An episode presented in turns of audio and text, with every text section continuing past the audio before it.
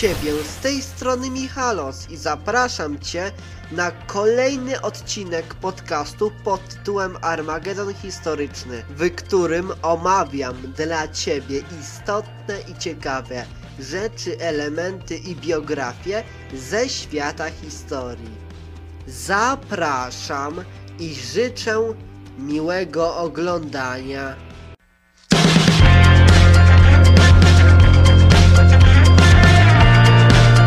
Tematem tego odcinka będzie polski październik. Fakt, że w okresie stalinizmu, tak w samym Związku Radzieckim, jak i w krajach znajdujących się pod dominacją Moskwy, represjami objęci byli także komuniści, rodził przekonanie, że zło systemu spowodowane zostało nie istotą właśnie tego systemu, nie jego cechami, ale jedynie jego zbrodniczymi wypaczeniami. Na obserwowane po śmierci Stalina tendencje liberalizacyjne w polityce PZPR, czyli Polskiej Zjednoczonej Partii Robotniczej wobec społeczeństwa mogły więc wskazywać, że w łonie partii znajdują się uczciwi komuniści, którzy szczerze pragną naprawić zaistniałe niesprawiedliwości i doprowadzić do politycznej reformy systemu. No a ludzie przychylający się do takich interpretacji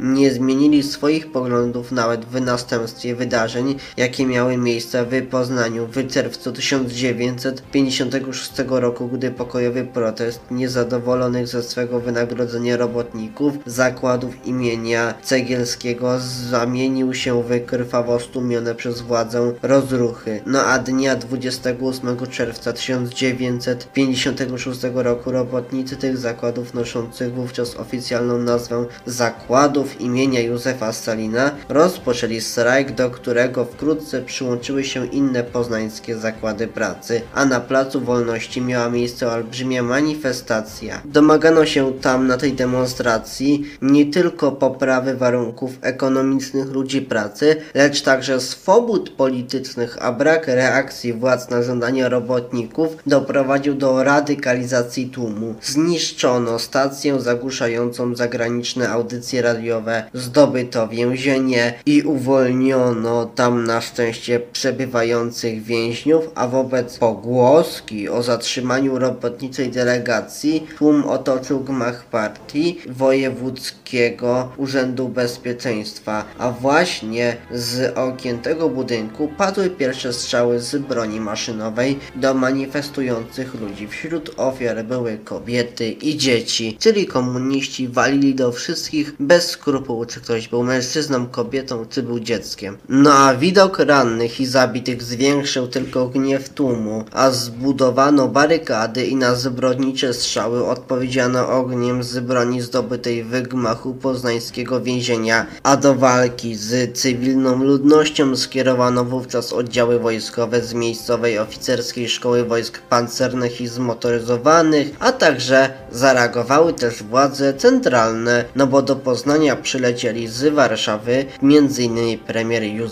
Cyrankiewicz, sekretarz KC Edward Gierek, no i generał Stanisław Popławski, który objął ogólne dowództwo nad akcjami wojskowymi przeciwko ludności cywilnej. A dodatkowo ściągnięto jednostki, m.in. oddziały Dywizji Pancernej 4 Korpusu Armijnego Śląskiego Okręgu Wojennego oraz 10 Sudeckiej Dywizji Pancernej. No a czołgi obsadziły wszystkie ważniejsze punkty miasta, a walki trwały do rana 30 czerwca. No a liczba ofiar śmiertelnych jest trudna do oszacowania, a źródła zachodnie oceniły liczbę zabitych na około 200 osób, zaś rannych na około 1000. A natychmiast po zdławieniu niepokoju władze przystąpiły do odwetu na mieszkańcach Poznania, no bo setki aresztowanych poddawano brutalnemu śledztwu, bito i znęcono się nad zupełnie przypadkowo zatrzymanymi ludźmi, no a równocześnie prasa partyjna informując opinię publiczną o wypadkach określała je jako prowokację imperialistycznych ośrodków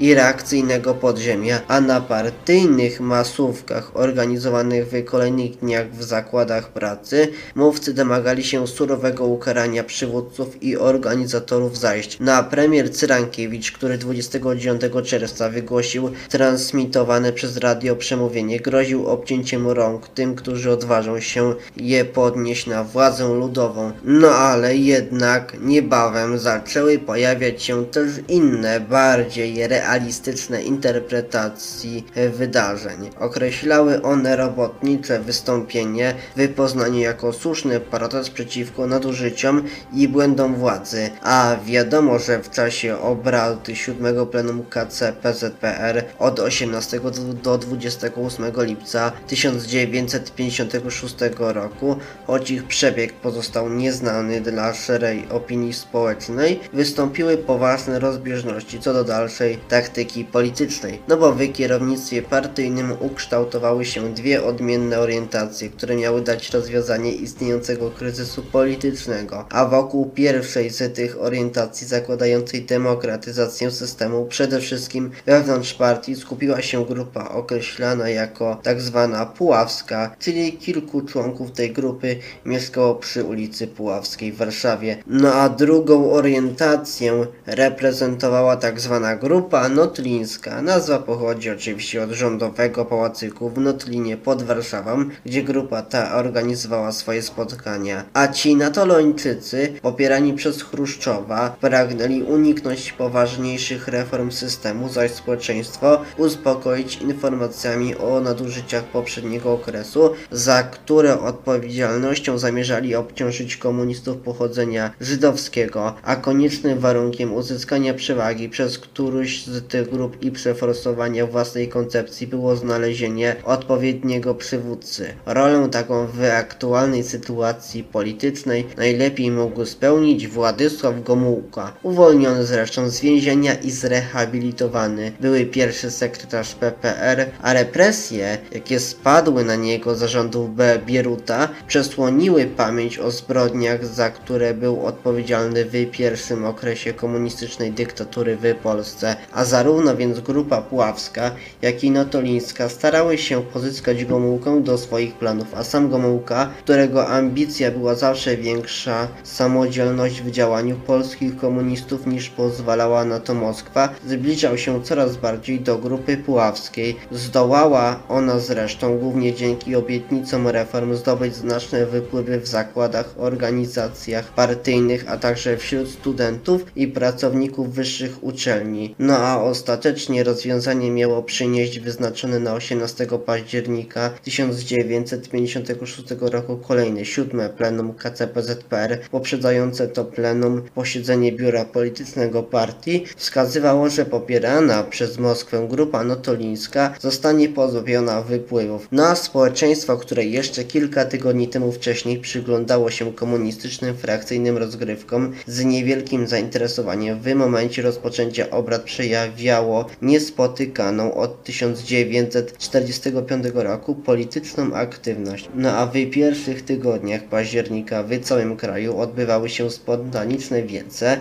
i zebrania pracowników zakładów pracy oraz studentów, a samorzutnie powstawały rady robotnicze, domagano się demokratyzacji samorządności gospodarczej i terytorialnej, wolności słowa także, a ta niebezpieczna z punktu widzenia Moskwy atmosfera, także groźba wyeliminowania grupy notolińskiej zachęciły Chruszczowa do podjęcia konkretnych kroków mających na celu utrzymanie zagrożonych radzieckich wypływów w Polsce. Na wieczorem w dniu rozpoczęcia obrad plenum Polskiej Partii pojawił się on niespodziewanie w Warszawie wraz z Kaganowiczem, Mikołajonem i Mołotowem, a do Polski przybył także marszałek Koniew, głównodowodzący wojskami Paktu Warszawskiego, no a równocześnie stacjonujące w Polsce jednostki Armii Radzieckiej, a także Ludowego Wojska Polskiego otrzymały rozkaz marszu w kierunku Warszawy, a wiadomość o ruchach wojsk radzieckich wokół stolicy pogłębiły społeczną wolę oporu i patriotycznej jedności narodowej, a za sprawą członków grupy puławskiej robotnicy niektórych warszawskich zakładów pracy otrzymali broń, zaś dowodzone przez wypuszczenie wypuszczonego z więzienia generała Wacława Komara. Oddziały wojsk Korpusu Bezpieczeństwa Wewnętrznego zdecydowane były bronić Warszawy przed radziecką interwencją. No a obrady plenum zostały jednak przerwane i członkowie biura politycznego KC wraz z pozostającym jeszcze bez funkcji Władysławem Gomułką udali się na spotkanie z radzieckim kierownictwem. Na przebieg rozmów otoczony został tajemnicą. Wiadomo jednak, że wysunięta przez Chruszczowa groźba zbrojnej interwencji nie odniosła oczekiwanego skutku. Przypuszczalnie Gomułka, którego wybór na pierwszego sekretarza KC wydawał się być przesądzony, potrafił zapewnić przywódców Kremla o swojej zdecydowanej woli utrzymania w Polsce komunizmu i niedopuszczenia do poważniejszych zmian mogących godzić w istotę systemu. No a uspokojony Chruszczow wrócił do Moskwy, zaś wojska radzieckie zostały wycofane do swoich baz, a w trakcie wznowionych obrad plenum powołało nowe kierownictwo partyjne. Na pierwszym sekretarzem partii wybrany został zgodnie z przewidywaniami Władysław Gomułka. W skład biura politycznego nie weszli z jego dotychczasowych członków m.in. Konstanty Rokosowski, którego powrotu do Związku Radzieckiego domagano się powszechnie na wiecach w Warszawie i innych miastach Polski, a w najważniejszych władzach partyjnych pozostali jednak Józef Cerankiewicz, Roman Zambrowski, Aleksander Zawadzki, no i Edward Ochab. A co ciekawe, 24 października na placu Defilat przed Pałacem Kultury w Warszawie odbył się wiec, w którym wzięło udział niemal pół miliona mieszkańców stolicy. Owacyjnie witano przemawiającego Władysława Gomułkę, mimo że słowa, które wypowiedział na wiecu, dalekie były od oczekiwań, a powszechnie i na ogół bezkrytycznie widziano w nim gwaranta wracającej do Polski demokracji, wolności i niepodległości. No kolejne posunięcia władz, jak wypuszczenie na wolność księdza prymasa Stefana Wyszyńskiego oraz zwolnienie ze stanowiska ministra obrony narodowej Konstanta Rokosowskiego dawały nadzieję, że zmiany w Polsce zmierzają w pożądanym przez społeczeństwo kierunku. No ale już niebawem okazało się jednak, że zaufanie jakim obdarzono kierowaną przez Gomułkę partią było po prostu przedwczesne i bezsensowne.